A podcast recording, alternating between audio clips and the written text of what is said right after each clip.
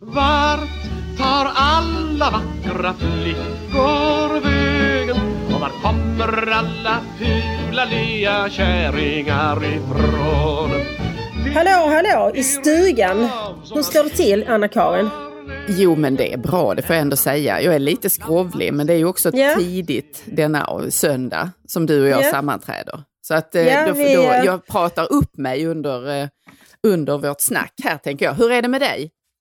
Jo men det är bra här. Jag är också lite skrovlig men jag, jag har varit ute med hunden och jag har pratat med lite folk och jag gick förbi... Eh, har du sagt hallå? Jag har sagt hallå! Ja fast det är inga sommargäster uppe så här tidigt kan jag säga. De ligger och trynar fortfarande. De är Ja. tidigast uppe sju när du öppnar på Klockis för då kan du köpa färska frallor där. Nej men jag gick förbi ridklubben som ligger här precis tvärs över gatan. Mm. Och då var den mycket pigga ridskolechefen Kattis på plats. Och så pratade hon med mig och så sa oh jag låter ju förkyld, jag har inte pratat med någon idag. Så sa jag, nej då får du prata upp det lite. Ja. Så det är nog ett vanligt symptom det här att man eh, inte riktigt är, eh, har sin fulla röst tidigt på morgonen. Men som sagt vi kommer ju värma upp och prata upp här.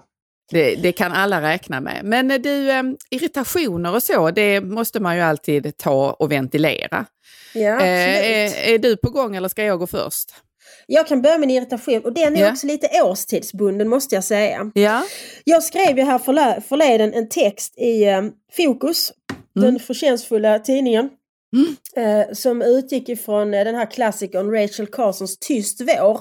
Där jag reflekterade över att eh, jag har sett färre insekter denna vår. Eh, framförallt har jag inte sett några rapsbaggar och mycket, mycket Nej, det- vi, fjärilar. vi pratade ju om det lite grann här i Precis, podden. precis. Ja, mm. Men jag kan säga så här att jag har nu fått mitt lystmäte när det gäller i alla fall bananflugor. Oj. Därför bananflugorna tycks inte vara en av de insektsarter som är eh, utrotningshotade. I alla fall inte i mitt kök. För där är Nej. fruktansvärt mycket bananflugor. Och vad jag än gör, alltså de jävlarna försvinner inte. Det är helt Men- sanslöst. Jag försöker liksom kapsla in mina frukter och bär på olika sätt i kökshanddukar och under sådana här tårtkupor. Men de tar sig in överallt. Ja.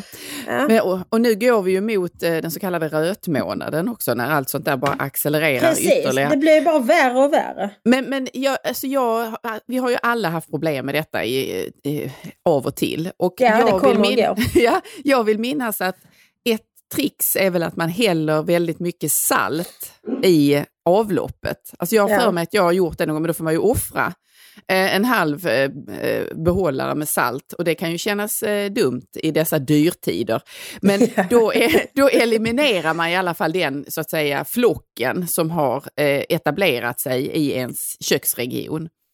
Har Ja, du för testat det? jag- Ja, eh, inte den här gången men jag har testat det förr. Den här gången så kör jag klassikern med att man eh, har ett fat med eh, lite gäss och något sött och lite äppelcidervinäger. Ja, ja. Då dras de dit för att det simulerar, liksom, för det de gillar är ju framförallt rutten frukt och ruttna bär. ja. Och i den här värmen så, den här processen sätter igång väldigt fort i mina eh, tjusiga jordgubbar och aprikoser och persikor och allt vad jag nu har.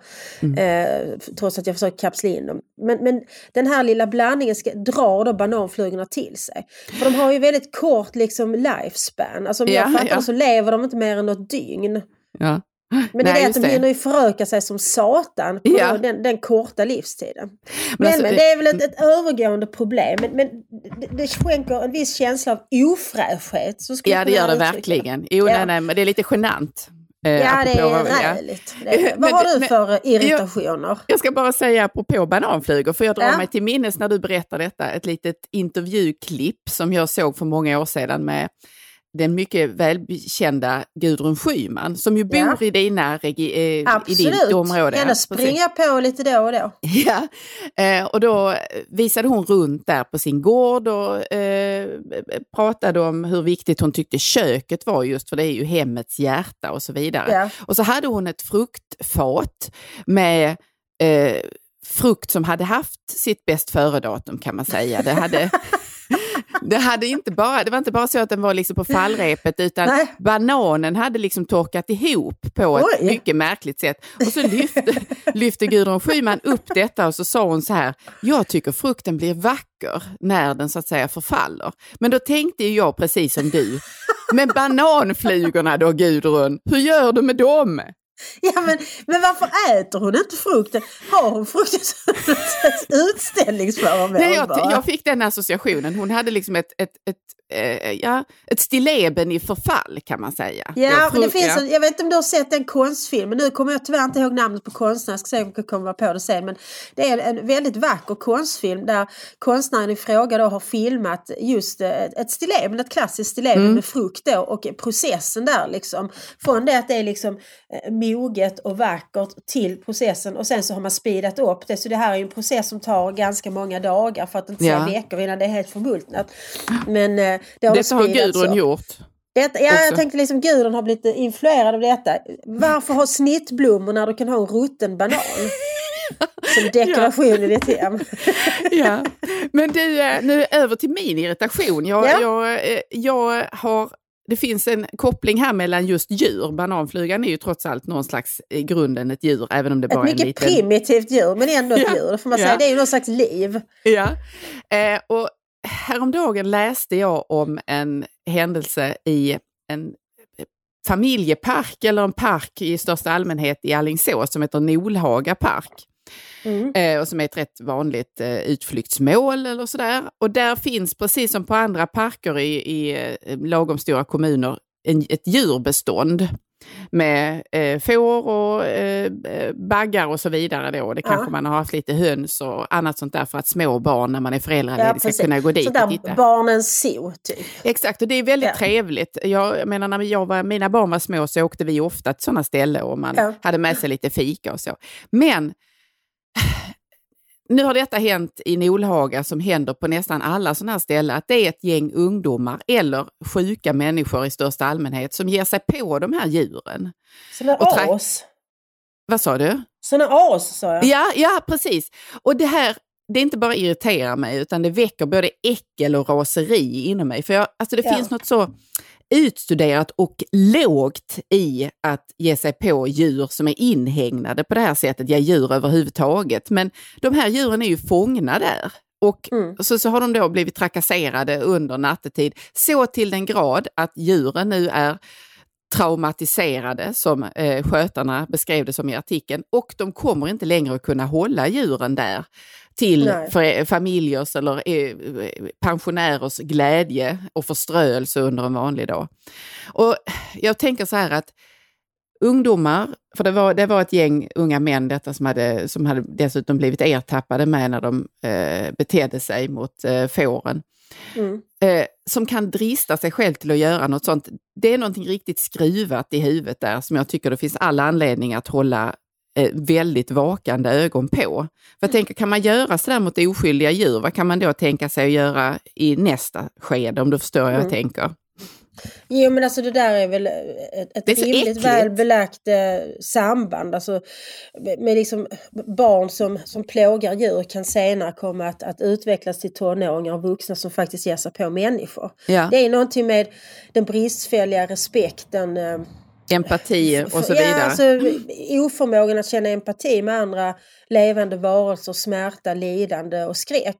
Mm. Eh, vilket för övrigt Kant har skrivit en del om också. För att Kant tyckte ju inte som Mill, eh, utilitaristen, han menar ju att även djur har liksom eh, ett, någon form av egenvärde. Mm. Ja precis, att man, man, man ska inte plåga djuren för att de kan uppleva lidande. Så menar Kant menar att man ska icke plåga djuren därför att det gör en eh, så att säga immun mot andra varelsers lidande. Så den som plågar djur och beter sig illa mot djur kan senare komma att göra det mot människor. Så det är ju liksom någon slags intuitiv kunskap att, att har man inte den, den respekten för, för annat, eh, annat liv så att säga så är det något som är väldigt fel.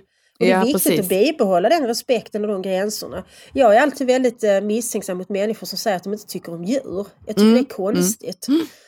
Faktiskt. Ja. Eh, och skulle jag stöta på någon som plågar ett djur så, så skulle jag bli ännu mer misstänksam.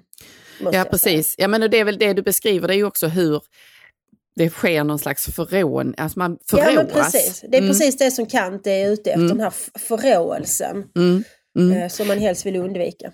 Nej, men jag tycker också, det det gör med mig när jag läser om sådana här saker, eh, det är att jag har väldigt svårt att glömma det. Det ligger mm. kvar i minnet hos mig och poppar upp som någon slags, jag tappar, alltså det, det är starkt att säga det, men att man lite tappar tilltron till andra människor, alltså den här någon slags grundläggande trygghet eller känsla av att vissa saker gör man bara inte.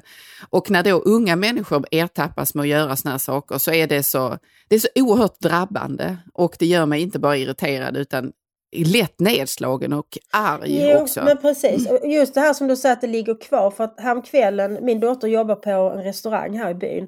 Mm. Och så berättade hon att häromkvällen så hade då här bor eh, grannar med oss så bor då en familj som har en son som väl är 20-årsåldern men som han har någon form av utvecklingsstörning. En Mm. väldigt rar, eh, ganska stor vuxen pojke som vi alltid pratar med. Liksom. Han gillar hunden och det är en väldigt rar kille. Mm. Och han går här framåt, alla i byn känner honom. Och jag har upplevt att alla är väldigt vänliga med honom för han är väldigt pratsam och så. Men då, då liksom hade Fanny och hennes eh, kollega då, eh, en annan servitris, sett hur han kom gående utanför och så hade kommit ett gäng då, liksom lite yngre killar, för han är i 20-årsåldern, de här var kanske 12, 13, 14 som hade gett sig på honom och börjat trakassera honom. Usch. Men då hade, hade de sprungit ut från restaurangen och liksom sagt vad fan håller ni på med? Ja. Och jagat iväg dem. Så att han hade ju fått hjälp och upprättelse, man ska säga. Men, men det satt som en tagg i mig rätt så Ja. länge. Därför att jag blev så himla ledsen för att han är så rar den här unge mannen. Eh, och rar och liksom tillitsfull och pratar Mm. med alla och, och, och liksom har en, en sorts förväntan som egentligen bara små barn har om att alla är snälla. Ja, precis. Eh, Och det är så Mm. hemskt när, när liksom den tilliten förbyts i, i liksom, eh, förvåning och så småningom förtvivlan över Mm. att man inte alls blir behandlad särskilt trevligt och snällt utan att någon jävlig är elak mot en. Man Ja. får inte lov att göra så varken mot, mot människor eller djur. Nej, nej, precis. Har blivit en madam med skunk bak och fram Där finns ju faktiskt en, en koppling till det som är vårt huvudämne idag. Ja, det kan man säga. Ja, för att eh, i båda de här fallen, det du beskrev om eh, den unga mannen där och de som utsatte honom, liksom de som utsatte djuren för de här övergreppen, de borde skämmas, tycker De jag. borde verkligen skämmas. Mm. Dagens ämne är ju skam. Och skam är ju som ni vet en lite omstridd känsla. Eh, Mm. Därför att eh, under, under mycket lång tid så tror jag liksom att eh, 90% av all världens psykoterapeuter var överens om att skam en väldigt destruktiv känsla. Och det florerade liksom, och det gör det ju fortfarande. Du vet sådana här liksom kvinnotidningsreportage och kvällstidningsreportage som uppmanar människor att inte skämmas. Man ska inte Ja. skämmas för sin kropp eller sin sexuella läggning eller ditten och datten. Och det ligger ju något i det naturligtvis. Att, Mm. Ja. skammen kan ju vara väldigt destruktiv. Och Men förlamande. Mm. Precis, förlamande. Men det finns ju faktiskt situationer och handlingar och attityder som man bör skämmas för. Mm. Om man till exempel är en rå jävel som ger sig på getter i barnens zoo Mm. eller ger sig på en, en mycket vänlig, utveck eller förståndshandikappad ung man eh, eller hyser diverse rasistiska och sexistiska attityder. Ja, då tycker jag fan mig man ska skämmas. Så Ja. där har ju skammen ett värde faktiskt. Hur tänker Ja, du kring detta? Inte Jo. minst i relation tänker jag till barnuppfostran och så så är det ju intressant att fundera över. Ja, exakt. Och där, där jag tänker att man, de allra flesta, eh, även om man inte använder det ordet explicit, använder ju sig av att hos barnen implantera någon slags eh, regulator kring detta Ja. när man gör någonting som får en att, att man eh, känna skam eller känna att man skäms, att man gjorde ett övertramp, att man begick ett fel. Och jag har i alla fall eh, varit, kan erinra mig att jag sagt till mina barn när de var alltså mycket mindre än vad de är nu, eh, skulle kanske till och med kunna säga det nu om de gjorde något dumt, att det där borde du skämmas för. Du borde skäms på dig för att du gör sådär. Eller, och då kan det ju handla om allt, alltså det börjar ju egentligen i, eh, i alltså små förseelser, mycket långt ifrån det vi beskrev om här ja. nyss. Ja. Ja. Eh, att man eh, eh, går över gränsen i fråga om hur mycket man tar för sig när någon bjuder på något gott eller att man inte säger tack eller att man beter sig illa när man får en present, att man visar missnöje över denna istället för glädje, även om den inte var det man hade förväntat Mm. sig att den var. Där finns ju, alltså som förälder så planterar man ju någon form av känsla av genans, kanske gränsande då till skam. Eh, men alltså, för, det tycker jag är en intressant aspekt i detta, att genans för mig är en lättare, det är, det är liksom en föregångare till skammen. Mm. Att man blir skam- generad. man blir generad först. djupare. Ja, precis. Och här är det ju balansakten då för en som förälder att man vill ju inte rota en känsla av skam kopplat till vem man är. Eller, Nej, precis. eh, eh, eller aspekter av, som det kan vara sexualitet eller begär eller någonting sånt där, där, där eh, man kväver barnet eller kväver den barnet är på väg att bli snarare än att man gör barnet så att säga socialt gångbar om du förstår vad jag menar. Ja, för samtidigt som, för just det här med sexualitet är ju, är ju ganska intressant i det hela. För att Mm. de flesta barn har ju någon period när de är ett par år gamla där de är väldigt intresserade av sitt kön. Ja. Eh, och gärna liksom eh, pilla på sitt kön eller ta fram det eh, ditt Mm. eh, då och då för att kolla att det finns kvar. Typ. Det här gäller ju särskilt pojkar skulle jag vilja påstå. att de har perioder de är väldigt fascinerade av att de har eh, en, en, lem helt enkelt. Och för vissa så slutar ju aldrig det där. Nej, nej, jag skulle tro att de flesta män är väldigt fascinerade av att de har den här eh, snoppen som hänger där och dinglar och allt de kan göra med den. Men de flesta män lär sig ju att det där pillandet det gör man när man är ensam eller tillsammans med en mycket intim bekantskap så att säga. Ja. Men det förstår ju inte de flesta barn. Den liksom, eh, vad ska vi säga, den idén finns ju inte från början utan då måste man ju som förälder med sin attityd eller i tal visa att, att dels liksom att det är inget fel att, att pilla på sin snopp, det kan man göra, det är trevligt, men man gör det inte när andra ser på. Nej, Så att precis. liksom det, och, det, och det handlar ju precis om det att, att där uppväcker man ju ändå en känsla av skam men man får inte uppväcka så mycket skam så att sexualiteten blir skambelagd. Nej. Och så är det ju med många av de här eh, jag menar liksom, man kan ju tycka så att du, du kanske inte ska ta hela glasspaketen själv för din syster vill också ha. Eh, Att man måste liksom säga detta utan att det leder till fruktansvärda ätstörningar. Den där diskussionen har jag haft med en väninna för inte så länge sedan. Eh, Hon har två döttrar där den ena är påtagligt rundare än den andra. Eh, Och den rundare är ju väldigt glupsk, det noterar Ja. man när man umgås med dem. Att den, den lite rundare flickan hon äter ganska mycket. Eh, På ett sätt så att jag till och med har reagerat och undrar varför inte föräldrarna gör någonting. För det är också Ja. synd om henne att hon blir ännu rundare så att säga. Ja. Men, och det, då är det ett dilemma för det här föräldraparet. För att pappa, ty, pappan tycker då liksom att, att vi borde försöka reglera hennes matintag. Därför hennes syster då är mycket smalare och sötare. Liksom. Medan mamman är livrädd för att detta ska då leda till ätstörningar. Själv skulle jag vilja säga att det är någon slags ätstörning att inte kunna reglera hur mycket man äter. Men, men Ja, det är precis. just det här att, att mamman är då rädd för att eh, göra liksom ätandet så skambelagt och kroppen skambelagt så att flickan då eh, liksom får psykiskt illa av det.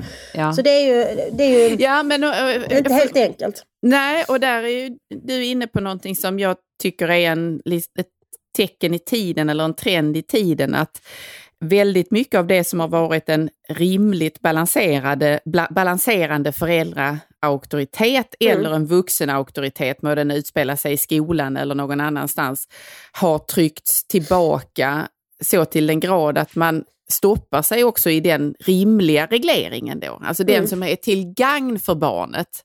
För det är ju till gagn för det här barnet att få reda på att där är det bra. Det är bra där, inte mer nu. Det kommer imorgon kan vi ta lite igen eller dagen efter det, men inte nu. Eh, och jag ser ju det mycket i dagens skola också där den här eh, tillåtande, inkluderande trenden eller eh, öppenheten i samtiden som ju har väldigt många goda drag och som är att föredra framför att man eh, förbjuder eh, eller är en, en, så att säga, en förbjudande kraft i alla stycken men där det också kan få till effekt att det finns aldrig någon, väggen tar aldrig emot. Det finns aldrig ett stopp som säger nej så Mm. kan man inte göra. Eller så där blir det konstigt om du kommer till skolan utstyrd på det där viset. Alltså att det Mm. finns någon slags, ehm, ja, Nej, men alltså, då, jag, jag, har en annan väninna som, Ja. som brukar säga, vilket jag tycker är väldigt klokt, att hennes, upp, hennes, hennes viktigaste uppgift i relation till sitt barn, eller en av de viktigaste uppgifterna, är att göra sitt barn likeable. Alltså att göra Ja, barnet precis. till, till en älskvärd person. Mm. Eh, och, och i det, det ligger ju i detta att sätta gränser för beteende och, och så vidare. mm, mm, Eh, så, så, och och då, det, måste man göra det utan att uppväcka skam så att det blir destruktivt. För att precis som du var inne på här för ett tag sedan så skam är ju en känsla som, som liksom karaktäriserar uppfattningen av den egna personen som helhet. Alltså skam kopplas ju till misslyckande. Man brukar skilja på, på skam och skuldkultur till exempel. Att en skuldkultur är en sån kultur där, eh, där skulden handlar om en överträdelse av en, en regel eller en norm. Så då, då är ju skulden är ju kopplad till någonting man har gjort så att säga. Mm. Medan Mm. skammen, i skamkultur så är det hela individen som avfärdas och som underkänns. Och det, det vi brukar kalla för hederskultur är ett typiskt exempel på en skamkultur. va? Mm. Att när man misslyckas med att leva upp till gruppens normer och värderingar eh, så, så skäms man eller rättare Mm. sagt så pådyvlas man skam. För skam är ju ofta också någonting som kommer utifrån. Alltså menar eh, om man eh, liksom, låt säga man, man petar sig i näsan eller råkar släppa sig eller någonting. Om man gör Mm. det när man är ensam hemma så skäms man ju sällan. Eh, Mm. Men skulle man göra detta i ett sammanhang med andra människor så framkallar ju detta skam naturligtvis. Ja, just det. Så Ja. skammen finns ju ofta i den andres blick också kan man säga. Ja, ja, och jag tänker för där, det du beskrev där med hederskulturen som ju är typiskt en skamkultur också, där finns ju då den, det, där det är sammanhanget du existerar i som har en uppfattning om vad som är Precis. skamfullt eller inte. Men man kan ju se, eh, i, alltså går vi tillbaka i tiden och tittar på när eh, homosexualitet var eh, krim, eh, kriminellt och det klassades som psykisk sjukdom, då har, ju, då har ju samhället gått in och sagt att det beteendet eller den typen av begär Mm. bör du eh, hålla tillbaka och skämmas för om du blir ertappad med det. Och sen så finns det en, en, en koppling till att det samtidigt då också blir är en handling som ska bedömas som någonting där du bär en skuld för Mm. eh, att du gjorde detta eller att du Mm. hade eh, könsumgänge med en person av samma kön och så vidare. Och, så de, är ju, de ligger ju farligt nära varandra samtidigt. Alltså de är inte Mm. Så separerade som att det finns en ren skamkultur och en ren Nej, skuldkultur. nej, precis, Utan det har både- helt rätt i. Mm.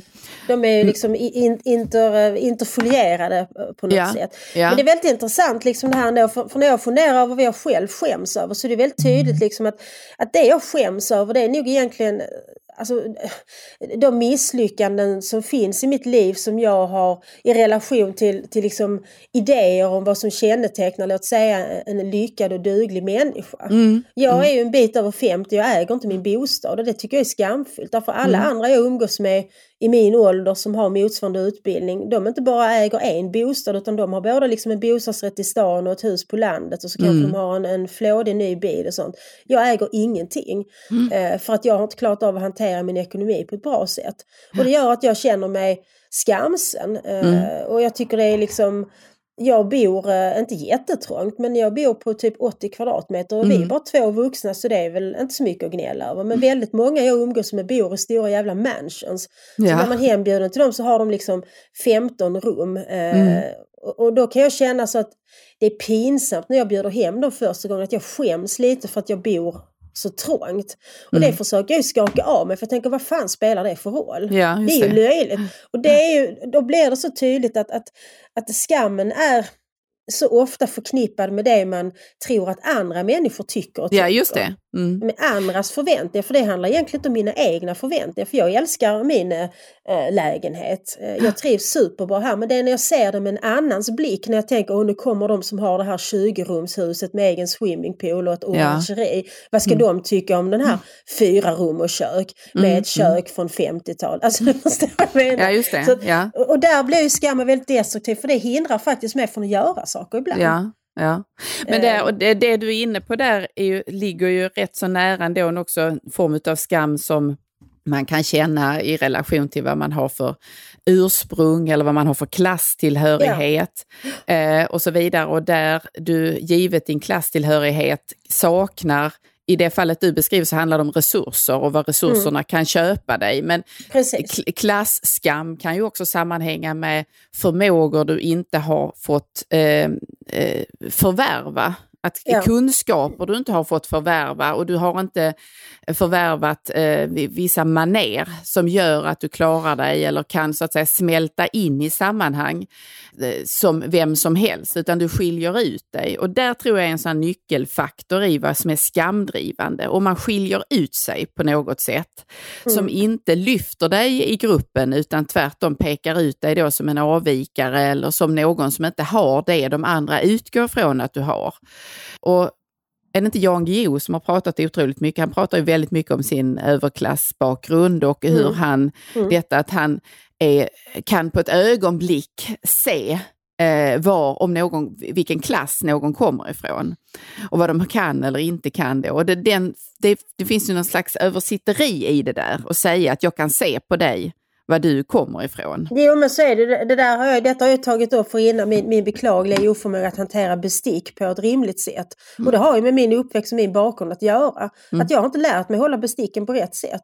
Eh, och jag liksom, eh, nu har jag ju fattat vilka bestick man ska använda till vad. Det gör mig om man har gått på ett antal liksom, eh, smokingmiddagar och vad det Mm. nu är, liksom, den sortens större sammanhang. Men, men jag, jag kan inte förmå mig att hålla besticken på det sättet som jag ser att folk från bättre klasser gör.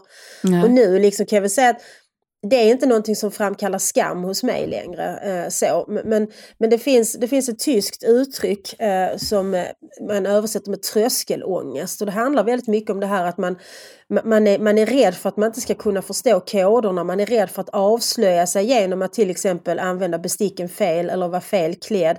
Eller inte hänga med i olika referenser och sådär. Och det låser ju in människor i sociala sammanhang. Ja, Därför då stannar man hellre liksom i ett sammanhang där man känner sig trygg än att ge sig in i ett annat sammanhang. Om det är ett sammanhang med folk som har mer utbildning eller kommer från stan eh, eller har mer pengar. Och det tycker jag att jag ser väldigt mycket nu när jag bor på landsbygden igen. Att den sortens tröskelångest finns ganska mycket hos människor som är födda och uppväxta här. Och det är ju deras föreställningar om människor som kommer från stan. Att vi tycker att vi är lite bättre och lite finare. Eh, Och då vill man inte avslöja sig genom att prata för bred skånska eh, eller eh, dricka liksom eh, eh, kokagroggar och cider istället för rött vin och så vidare. Alla Nej, liksom de där precis. markörerna på något sätt. Men då är det återigen en föreställning om vad den andra faktiskt anser om en. Ja, och vi har, ju, vi precis. har ju alldeles för många sådana föreställningar skulle jag säga. För ärligt talat, liksom, man är ju inte så jävla upptagen av andra människor. De flesta människor är mest upptagna av sig själv. Ja, exakt. Ja. Men, du, men, men du, den här, för att, nu har vi varit inne mycket på individuell skam, alltså Ja. som man kan känna i relation till var man kommer ifrån eller var man är och så vidare. Men det, det jag tycker är en, en, intressant att fundera kring är just hur förhåller sig den individuella skammen och sen så kontra när man säger att ett helt ett helt land eller en kommun eller en stad eller ett lag bör känna skam eller är en skam. För jag har noterat att nu när, för en tid sedan så fattade man ju beslut i högsta domstolen i USA om eh, aborträtt, eller eh, Ja, eh, lagstiftningen kopplat till kvinnors rätt att få Ja, abort och så vidare. Roe versus Wade. Exakt. Så det gav Och- de olika delstaterna liksom, eh, mandat Större. att själv bestämma över hur aborträtten ser ut i just deras Ja. stat. Ja. Och, och då kom det ett antal artiklar där denna förändring beskrevs som en skam för USA. Ja. Och samtidigt som det finns när Sverige gjorde förändringar i asylpolitiken, då var detta en skam enligt vissa. Och sen ner på mikronivå då, där eh, jag hittade lite artiklar där en oklippt gräsmatta i en kommun var en skam för Falkenbergs kommun eller vilken kommun det nu var. ja, det är Och så var- stort och smått. Och så var det ett antal ganska roliga insändare kopplat till den här oklippta gräsmattan i kommunen och det var väldigt skamfullt särskilt att den förblev oklippt under midsommarhelgen. Mm. Eh, och eh, alltså det, det återkommande i alla dessa var just att det, ske, det skedde, det inträffade, kategoriserades som en skam. Mm. Och det var då, och, och kan, kan ett land bete sig skamfullt? Ja, alltså det är ju kopplat till, för att man säger då inte liksom att, in- ställda inför då den här eh, ändringen i, USAs eh, aborträttigheter så säger man inte då att, att detta är, eh, nu är USA skyldigt och så vidare utan det är ju just liksom att skammen eh, handlar om att, att smutsa ner allting. Mm. Alltså skulden och skuldkänslan eller klandrandet är ju riktat mer till en enskild sak. Men man menar liksom att den här eh, nya attityden i relation till abort och kvinnors rättigheter och så. Det, det är någonting som är uttryck för något större. Att, eh, precis som att den här oklippta gräsmattan, vad det nu var, också är uttryck för något större. Det vill säga det är uttryck för något slags jävla slarv, ignorans och slapphet som man då bör skämmas över. Så det är, det är mycket, mycket större än bara den här oklippta gräsmattan. Att man vill liksom smeta det över alla och det är det som blir problematiskt i en en liksom hedersetisk kontext att en individs handlingar eh, får, alltså, skadar hela gruppens heder. Precis som en oklippt gräsmatta skadar bilden av Falkenberg. För det är ja, inte det. bara den här gräsmattan, det handlar om allt. Precis som, jag menar i en, i en hederskontext så är ju kvinnans ärbarhet är väldigt viktig på något vis. Att hon bär hela släktens heder mellan sina ben på något mm. vis. Om hon då släpper in någon mellan sina ben för tidigt och hon skadat hela släktens heder. Mm. Precis som den här gräsmattan skadar liksom hela Falkenbergs heder. Hela anseendet. Ja, alltså, a, precis. Mm. Anseendet mm. är ju bättre att använda i fallet Falkenberg.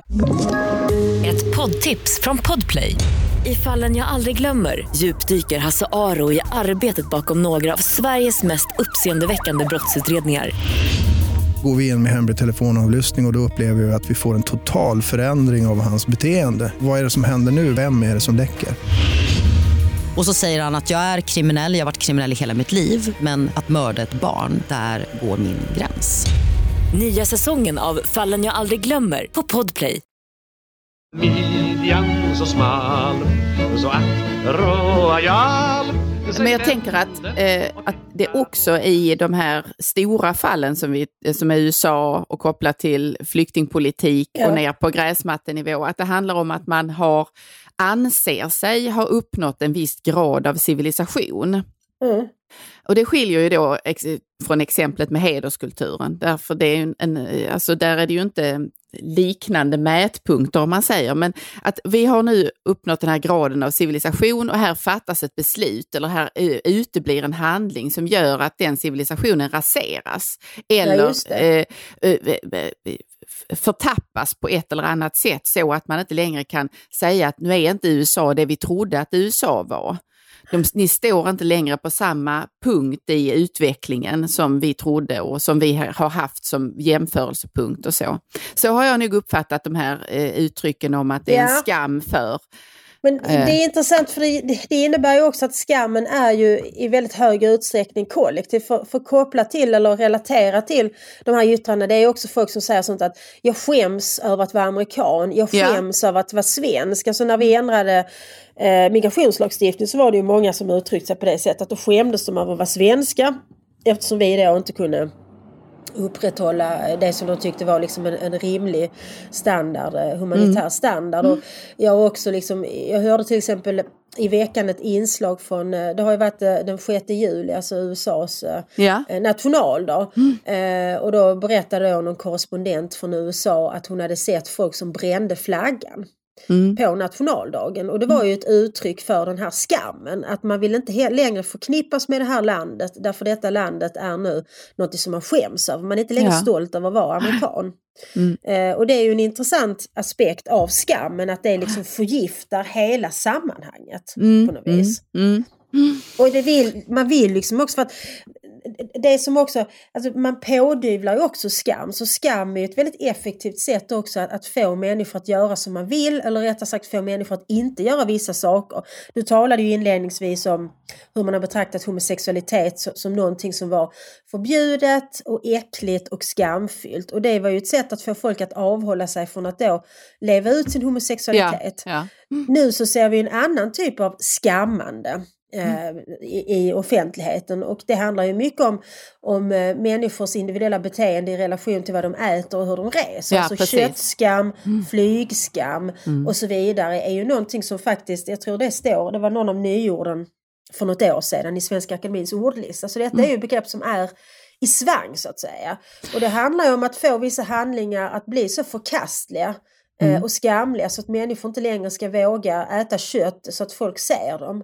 Mm. Ja. att människor ska sluta flyga. Nu kan vi konstatera att jag tror att SAS pilotstrejken där gör väl mer för att avhålla folk från att flyga eh, än det här flygskammandet från diverse influencers och så vidare. Ja, nej, men det där är jag har liksom väldigt svårt för den här formen av skammande som du beskriver nu och som man ju möter bara man öppnar sina sociala mediekonton eller för den delen läser vissa typer av eh, tidningar eh, och följer med, särskilt på kultursidorna skulle jag säga då, där detta är ett, ett frekven, frekventa texter och ett, ett frekvent grepp i texterna. Att man, mm. eh, och jag skulle vilja säga att där finns en intressant aspekt i detta är då att å ena sidan som andra människor som inte är så uh, duktiga att de inte flyger då, de ska skammas. Men samtidigt ja. så ska man gärna förhäva sig själv och framhålla sig själv i att berätta att man inte reser på det viset längre och att man dessutom då har gjort ett eller annat mycket avancerat företag i form av resa och och inte lämnat ett så stort klimatavtryck genom att man valde de här rätta inom citationstecken sätten att resa på.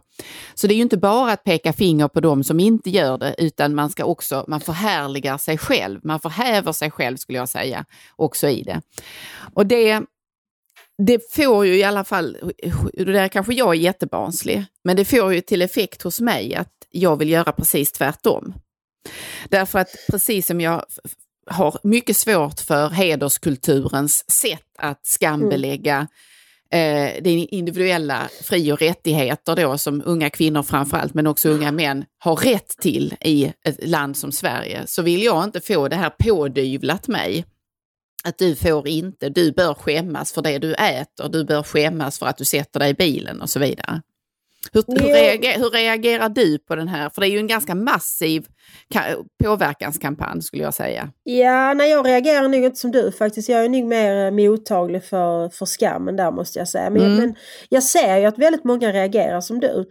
Mm. Eh, och jag, jag kan också tycka att många reagerar eh, det skulle jag inte vilja påstå att du gör på något sätt, men jag ser att många reagerar på ett överdrivet barnsligt sätt i relation mm. till det här. Liksom att i, liksom, i takt med att, att liksom offentligheten problematiserar ett ymnigt köttätande allt mer så ser jag också hur många, framförallt män då, ska liksom på något vis stoltsera med hur enormt stora köttstycken de vräker i sig varenda dag. Liksom. De äter bara kött och mm. det, liksom, det skulle aldrig få för sig att stoppa i sig en liten ärta. det kan jag tycka är lite barnsligt. För det är ju samma det är samma mekanism när, när liksom tonåringar gör uppror genom att göra tvärt emot det föräldrarna säger. Mm. Så det är ju inte på något sätt ett okänt fenomen att man reagerar på det sättet. Om någon Nej. säger att det där får du inte göra, då blir det liksom extra lockande. Då måste man kan, gå dit. Mm. Ja, men jag kan nog ändå tycka att när man är vuxen så kanske man någonstans ska fundera över, okej, okay, liksom, hur ser det här ut med det här köttätandet? Mm. Eh, liksom, finns det problem med detta eller inte? Och då får man ju på något vis bilda sig en egen uppfattning och sen ja. så får man agera enligt med den uppfattningen man har. Men mm. de här liksom stora eh, köttstyckeuppdateringarna på sociala medier eller någonting som retar gallfeber på mig. Många skolor har infört köttfria dagar. Ja, eh, ett par mm. dagar i skolbespisningen. Och den uppragdhet som väldigt många människor har inför detta tycker jag är både löjlig och pinsam. Där tycker jag de bör skämmas. För jag tycker fan med de ska lära sina bortskämda unga att äta linsbiffar. De dör inte om de inte får köttbullar en dag i skolan. Det är väl jättebra om de äter allt de blir serverade. Skolmaten är liksom finansierad av skattemedel. De ja. behöver inte betala en krona och då hålla på och gnälla över detta att de får morotsbiffar eller sojafärs eller vad det nu är någon dag i veckan. Det är tramseri.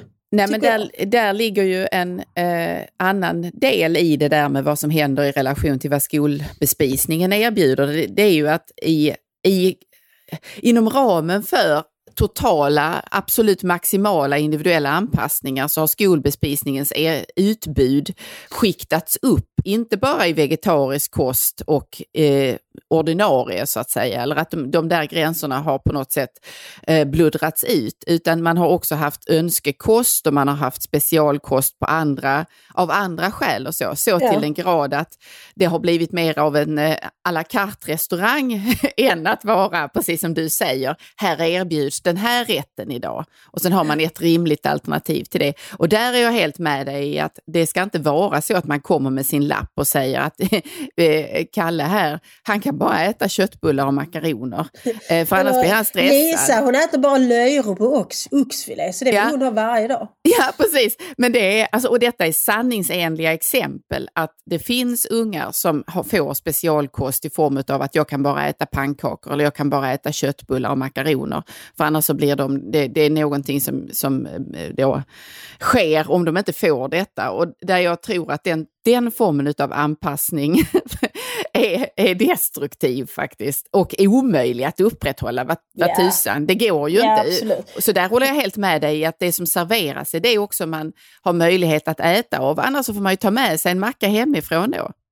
Ja, jag menar det ligger ju också i, alltså skolan har ju ett fostrande uppdrag faktiskt. Mm. Och det tänker jag handlar även om skolmatsalen. Ja. Och om det nu är så att eh, det ändå finns ganska mycket som pekar på att vi inte riktigt kan fortsätta att äta som vi gör idag. Och då tänker inte jag bara på klimataspekterna för det är så att det, det, det, liksom, det, att producera ett kilo kött det kostar väldigt mycket spannmål och det mm. spannmålet hade människor kunnat äta istället. Så det här är ett mm. sätt att förhålla sig till det faktum att maten inte räcker till alla människor i hela mm. världen. Mm. Då är det ju ett sätt att hjälpa människor att tänka på ett litet annat sätt kring sina måltider. Att en måltid är inte alltid en köttbit och potatis, det kan vara något annat. Um, men eh, nej, det här liksom à la carte men som jag fattade så tror jag många kommuner har gått ifrån det nu och kräver läkarintyg. Ja, det gick ju inte. Det gick nej, ju det inte. Funkar nej. inte. Men, men samtidigt så är det här, det här ligger ju också snubblande nära skammen såklart. Liksom. All mm. fostran innehåller ju ändå någon form av element av skam. Mm. Det vet alla som har fostrat en hund till exempel. Därför att det är ju så du fostrar hunden också. Så här, Fy! Säger du. Ja, precis. Och hunden reagerar då i allmänhet eh, om det är en normalfungerande hund med att liksom krypa ihop och gömma sig.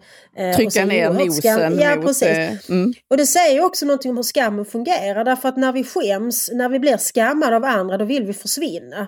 Mm. Alltså om man är skyldig om man har gjort någonting då kan man ställa sig upp och säga ja, jag erkänner.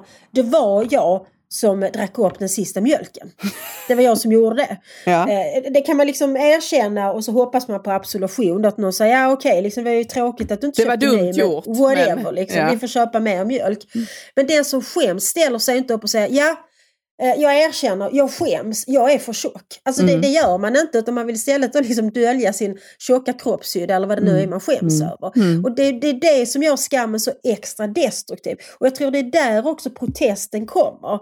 När mm. andra försöker eh, skambelägga ett beteende som man själv tycker är helt rimligt. Att man ja. då istället förstärker det här beteendet för att visa att jag skäms min själ inte för mina blodiga köttbitar, håll käften. Ja, typ. men, men, ja. men för när kopplat till den formen av skam som vi eh, talade om här eh, alldeles nyss, kopplat till köttskam eller flygskam eller annat som har med mm Eh, eh, klimatförändringar att göra och våra, vårt behov, eller att vi är nödgade att förändra vårt liv till följd av det, mm. så finns ju eh, en omvänd, hur ska jag uttrycka det, det finns en slags omvänd hierarki här i vem det är som bannar vem i vad man bör göra och inte göra och hur man ska känna och inte känna inför det man eventuellt äter eller vilket eh, färdmedel man använder. Och då tänker jag på Greta Thunbergs roll i detta. Mm, som ju, mm. Nu är hon en, en väl vuxen, hon är, har väl fyllt 18 om jag minns rätt. Ja, jag tror hon eh, närmar sig 20 nu. Ja, precis. Så nu, nu, nu, är hon en vuxen individ. Men när mm. hon började så var hon ju kategoriserad som rimligen som ett barn eftersom hon gick, ja. ännu gick i grundskolan.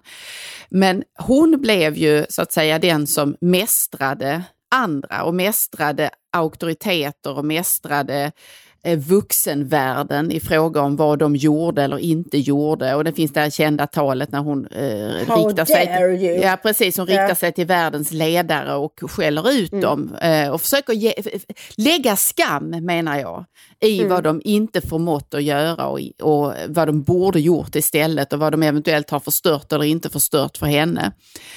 Eh, och det är väl också ett tecken i tiden tycker jag kopplat till vem det är som skammar vem. Mm. Att just det där skedde och att alla lyssnade och eh, skulle på något sätt vittna om den skam de kände inför den här tillrättavisningen. Och där där är jag nog fortsatt mycket tveksam till om det där är en lyckosam utveckling. Jag, tycker det, jag tror att det är en oerhört destruktiv utveckling måste jag säga. För det tycker jag är så intressant. För du, du nämnde här för ett tag sedan här att när man, när man skambelägger andra för deras flygresor till exempel så framhåller man sig själv som ett föredöme. Att, ja. Därför jag tog minsann, jag tog tåget till Peking, eller tog visserligen fyra månader. Eh, men, ja. Och så vidare. liksom. Och det var jävligt obekvämt men jag flög ja. inte. Där, där man liksom stolt säger. Men det finns finns ju också den här tendensen som du nämner där man stoltserar med sin skam. Mm, Och det tycker jag är så intressant för att människor som gör det, det är ofta så de tvår sina händer, de skäms jättemycket över det de gör men de kan inte göra på ett annat sätt. Och då är det precis Mm. som att då räcker det att säga att ja, jag, jag, jag skäms, jag är en mycket dålig människa. Mm. Jag tänker lite på nu vår klimatminister Annika Strandhäll. Ja, Hon, hon flög ju till Almedalen. ja. Det blev Eh. så den här gången, sa hon. Ja precis, Mm. och då liksom ligger det något i det och det är samma som ett av, eh, vad heter de, Grön ungdoms språkrör. Jag kommer faktiskt inte ihåg vad hon heter nu, hon ska inte hängas ut för hon är inte språkrör längre. Men jag var i en debatt med henne förra valrörelsen som Mm. handlar just om det här för att alltså, ung, de här gröna ungdomarna är ju väldigt mycket för att, att skambelägga folk för just sådana saker. Liksom Ja. vad de äter och hur de reser och kör bil och allt vad vi nu gör. Men det visade sig att hon flög själv regelbundet ner till sin pojkvän som bodde i London och hon hade Mm. också åkt på någon någon charterresa någonstans. Och när hon då konfronteras med det så sa hon så att ja men jag måste ju hälsa på honom. Det handlar ju inte om mitt individuella beteende. Mm. Och det är så intressant att nej det handlar inte om vad jag gör utan det handlar om vad alla andra gör. Eh, Så Ja, precis. Ja. Em, och, och, och det är så intressant med de här som så gärna vill skambelägga andra att de tycker på något vis att de har gjort sitt jobb om de får andra att ändra sig så kan de fortsätta. Ja, och, och, det, och här finns det ju en, ett, alltså, den typen av skambeläggande innehåller ju alltid ett eh, ej försumbart mått av dubbelmoral. Absolut. Att man har dubbla måttstockar på sig själv och andra och där tycker jag det finns en tydlig parallell till hederskulturen och dess fördömande och eh, smutsbekastande av just unga kvinnors beteende och deras handlingsfrihet och strikta förhållningsregler till vem de får träffa, vad de får göra, hur de får agera med sin kropp och inte. Därför att var det inte nu för en tid sedan det ertappade, eller det blev offentligt att det fanns en form av specialäktenskap som man upprättade just för att eh, kunna ha könsumgänge, alltså ligga med varandra. Ja, ja, det är de Kommer här du ihåg det här? Ja, precis. Det var ett, på- ett Uppdrag granskning som gick i våras. Ja, Eh, där, där man då avslöjade att en del imamer praktiserar då detta att de gör så kallade blixtäktenskap. ja Eh, precis. för att då eh, så att säga möjliggöra könsumgänge. Sex helt enkelt. Ja. Ja, precis. Ja. Så det är ju någon slags, man kan säga att, att imamerna i, i praktiken de agerar som någon slags hallickar. Ja, och det innebär ju också en, en, ett, eh, vad ska man säga, Eh, man institutionaliserar det här måttet av dubbelmoral och hyckleri kopplat Ja. till renhet och så vidare och att det är så viktigt med detta då. Eh, och det finns ju också i de här fallen du tog upp nu med att man säger att ingen ska flyga, ingen ska göra det, så här måste vi leva, det handlar om planeten, det handlar om jordens ändliga resurser och så vidare. Men vad gäller mig så måste jag, måste ju ni förstå att jag måste göra det här. Eller jag har Jag en måste ju flyga Ja. till Almedalen för att mitt schema är ju mycket mer pressat än alla andras scheman. Och jag måste ju hälsa på min pojkvän som bor i London, det fattar ni väl? Ni Ja. andra får liksom bära bördan av den här klimatomställningen. Men jag tycker också att ibland så kan man fundera över om vi lever i någon slags masochistisk kultur. För just det där med att, att liksom världens alla ledare lät sig eh, liksom tillrättavisas av Greta Thunberg. Mm. Det var ju några få, jag undrar om det var eh, Niinistö i Finland eller vem det var som, som protesterade mot detta tyckte att nu får de för fan räcka. Ja. Men annars så krökte sig liksom världens ledare som liksom eh, skamsna hundar Mm. inför detta. Jag kan inte fatta det. Jag tycker det är det tycker jag att de bör skämmas för att de låter sig tillrättavisas på det sättet och nästan njuter av det. Därför att Greta Thunberg har också blivit inbjuden i alla möjliga och omöjliga sammanhang just för att stå och skälla ut folk. Ja. Och så sitter folk där det blir liksom som någon slags religiös ritual. Nästan att den här liksom eh, rättrådiga eh, jungfrun ställer sig i talarstolen och berättar för människorna att de inte duger. Och så sitter människorna där och, och, och tar liksom emot detta och skäms. Och känner sig eventuellt renade efter den här processen. För det har inte blivit så jävla mycket förändring efter de utskällningarna. Det kan man inte påstå. Utan det blir någon slags ritualiserat. Att oh, vi skäms väldigt mycket men vi kan tyvärr inte göra någonting. Ja, precis. Lite Nej, den jag- känslan kan man Ja. få faktiskt. Jag får en sån här bild från eh, Det sjunde inseglet, Ingmar Bergmans film från Ja. 57, när det är ett, ett följe eh, som drar igenom den lilla byn och som piskar sig själv oupphörligen. Flagellanter. Ja, exakt. Ja. Eh, och det, det finns någonting här som det, där det är en... Eh, eh, det är lite utav samma beteende, att man, man tycks... För, tycks, man tycks dels tro att detta är vad som förväntas av mig. Att jag ska Exakt. säga. Och sen Ja. så finns det någon slags mått av att man uppnår då en renhet eller eh, eh, när man har biktat sig och när man har sagt ja, jag har syndat på detta sättet, jag är en förtappad människa. Har blivit en madam med skunk bak och fram Ja, nu har vi rört oss lite i den individuella sfären eller i familjesfären och i politiken, men om vi hoppar över till kulturens värld så finns det, tycker jag, eller menar jag, en eh, delvis ny form av skambeläggande där kopplat till vad man Ja, tror sig klara av eller inte. Och där detta att skådespela och spela en roll, där man i rolltolkning kan övergå vad man var eller vem man är och var man kommer ifrån och gestalta någon annans livshistoria. Plötsligt inte tros vara möjligt såvida man inte har de här attributen eller den här varit med om att exempelvis skifta kön eller könsidentitet och så vidare. Jag tror det var Halle Berry som för en tid sedan eh, förhävde sig då enligt den här nya moralen och trodde sig kunna spela en transperson. Men nej, nej, nej, bannades hon då. Det skulle, hon skulle skämmas för att hon tänkte ens tanken att hon skulle kunna skådespela detta. Och sen så eh, föll hon till föga och sa nej, jag, jag tänkte fel, jag ska inte göra detta. Och där, där den formen av skammande är ett ny, nytt sätt att begränsa människor i vilka så att säga, gränser man kan överträda eller hur man kan för jag menar, i, i grunden handlar den där filmen om att öka förståelsen för en transpersons Ja. levnadsöde och eh, disposition. Men det, fick inte, det var tvunget att vara äkta äkta och inte Ja, spelat precis. då. Ja, så för det första så är det ju bisarrt, för jag menar en skådespelare ska väl i princip kunna liksom eh, anta vilken gestalt som helst. Det är väl det det innebär att vara en skådespelare. Men då finns det liksom vissa saker som... Eh, det, det går, vi har ju sett otaliga uppsättningar där svarta skådespelare då spelar roller som traditionellt har spelats av vita. Jag tänker Ja. liksom eh, typ drama av Shakespeare och så vidare. Och där är det väldigt fint och progressivt. Men, men om, en, om en vit skådespelare skulle drissa sig till att gestalta en svart person på film eller scen, då skulle det bli ett jävla liv. Så att det, det, här, det här är kopplat till liksom föreställningar om, om offerskap och, och makt och så vidare också. Men det här skammandet är också väldigt tydligt kopplat till det vi kallar cancel culture. Ja, precis. Där man då liksom eh, hävdar att, och, det är så intressant för att alltså cancel culture handlar ju mycket, mycket mer om skam än om skuld. Därför de människor som cancelleras så att säga, som utesluts, det är inte alltid att det är kopplat till en specifik handling, att den här människan har, har våldtagit någon eller den här människan sa det här, utan det är ofta något diffust, att det sprids liksom en känsla eller ett rykte kring en person, att den här personen är nog inte helt hundra. Så Nej. det är bäst att vi håller oss långt ifrån den här personen. Jag, men, jag tänker på äh, J.K. Rowling till exempel.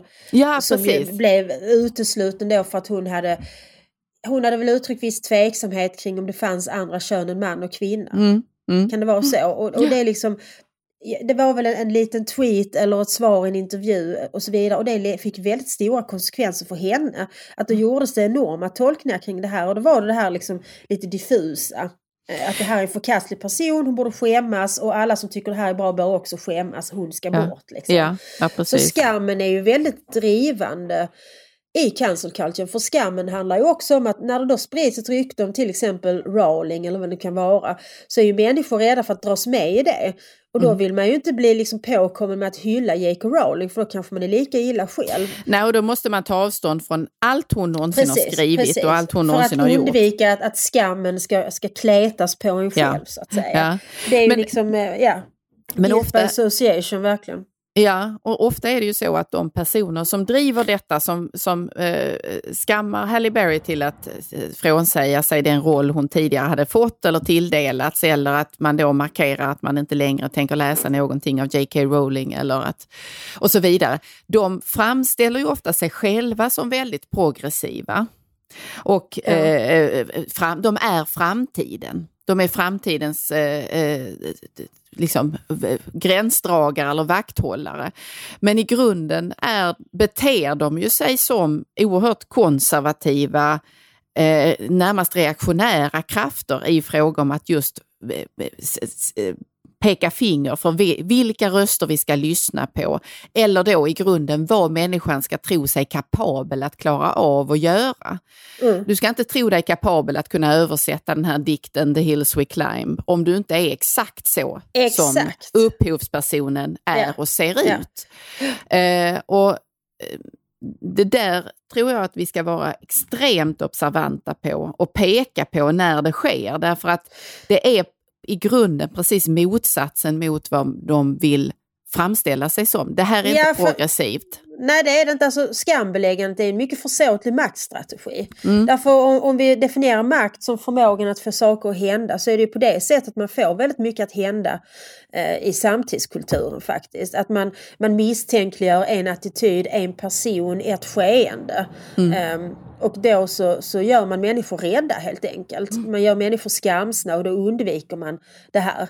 Mm. Uh, och, och det, jag tror att det är det är ett dåligt sätt att utöva makt helt enkelt. Ja.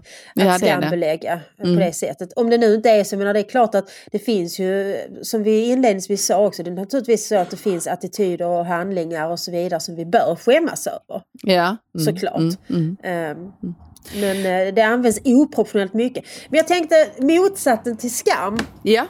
Skamlösheten. Vad kan mm. vi säga om den? Bristen på skam, är den bra eller dålig?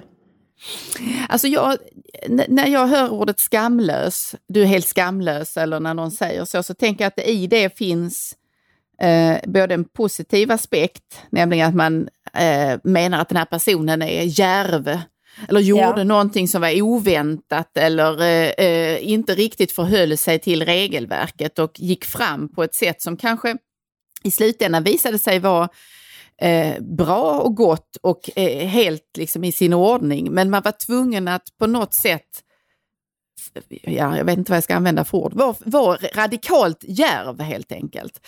Men i, i den andra aspekten av den som är mer negativt laddad ligger ju att man precis det som vi har berört flera gånger, att du inte är hänsynstagande till andra.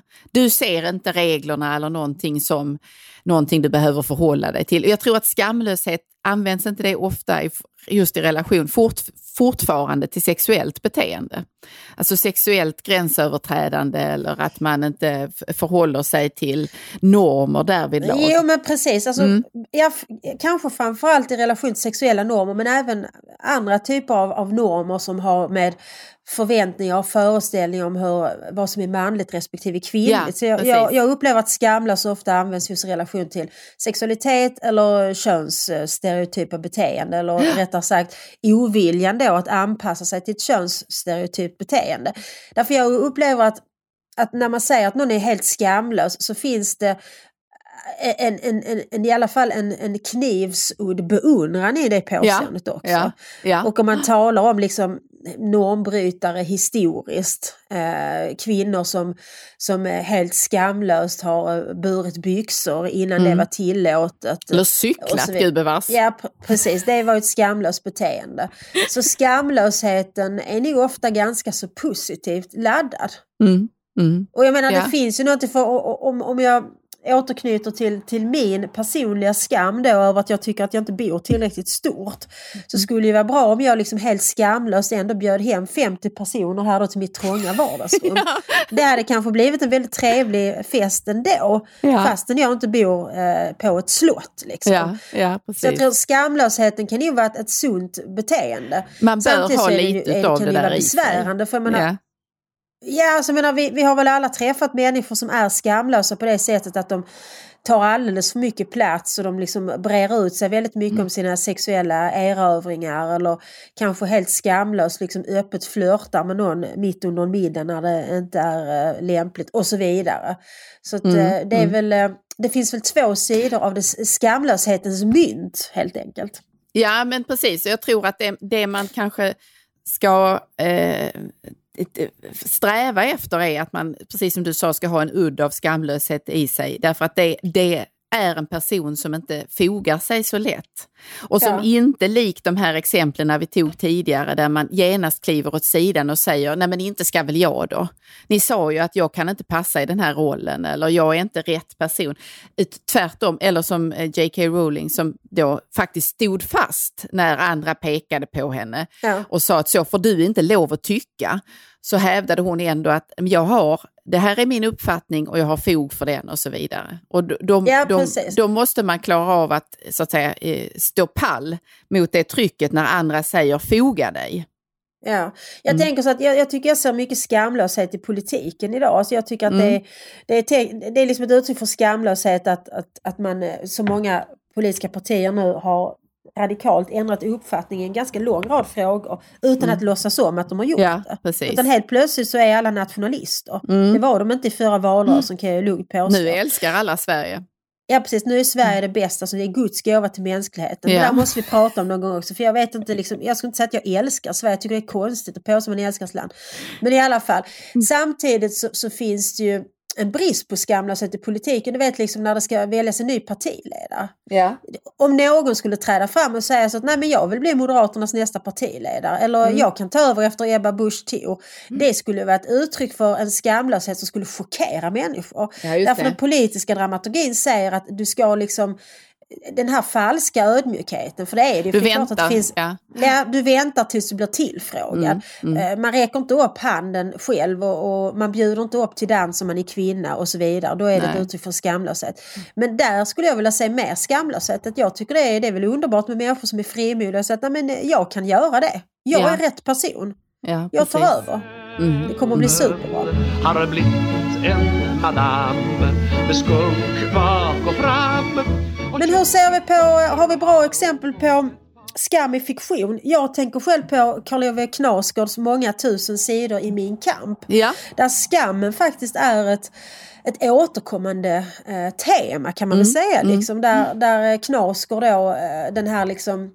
Jag menar Knausgård tillhör ju då också en, en ska vi säga, en, en grupp som idag skambelögs väldigt mycket eftersom han är då en vit, vit eh, heterosexuell man. heterosexuell medelklassman. Mm, Och det är ju den grupp som skambeläggs allra mest skulle jag Ja. vilja säga. Eh, Att all världens ondska pådyvlas dem på olika sätt. Mm. Samtidigt kan vi säga liksom att empiriska studier av skam visar att just den gruppen skäms inte så mycket utan de som skäms mest är faktiskt kvinnor och barn som har blivit utsatta för övergrepp och misshandel samt homosexuella. Och, det, är, och det är ju klart den här undersökningen jag refererar till har några år på nacken. Mm. Och att skammen är så stark i de grupperna det är ju för att samhällets normer har ju skambelagt belagt vissa beteenden och så vidare.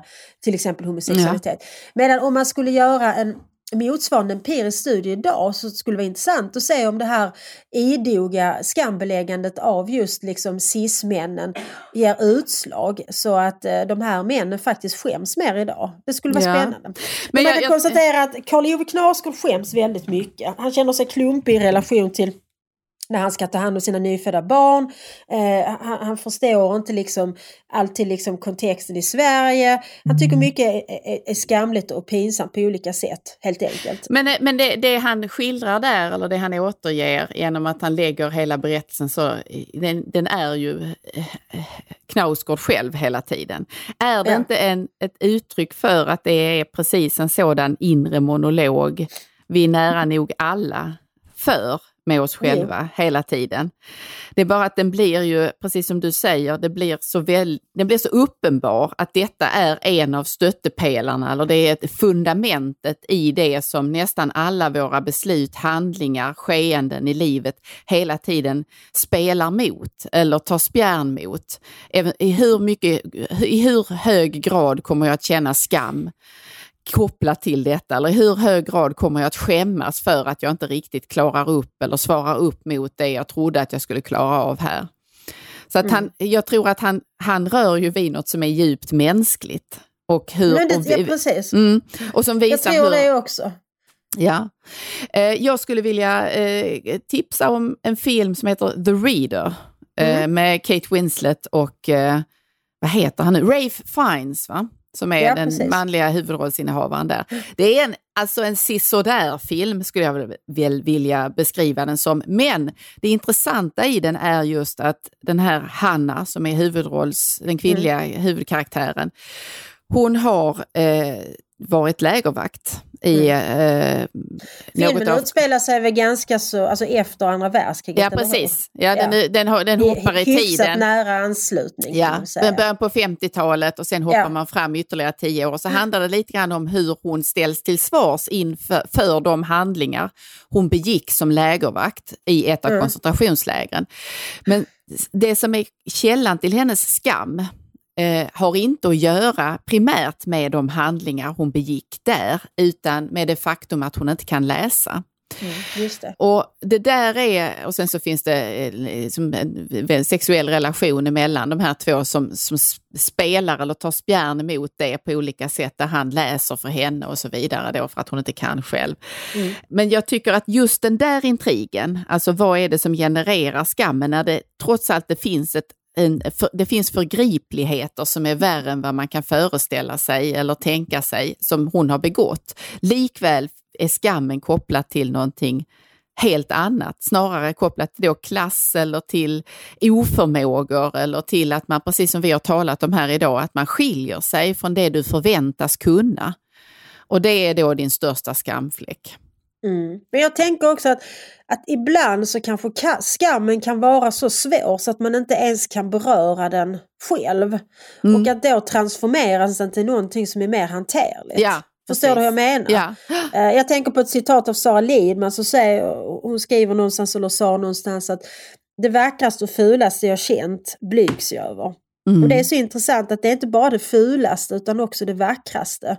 Eh, alltså de stora känslorna eh, som man känt eller de, de handlingarna man gjort. Alltså det blygs man över så mycket som man kan knappt närma sig det själv i sina tankar. Ja. Och så kan det ju vara i det här fallet med Hanna då att eh, hon kanske inte riktigt klarar av att konfrontera sig Nej. själv med vad hon faktiskt gjorde som lägervakt.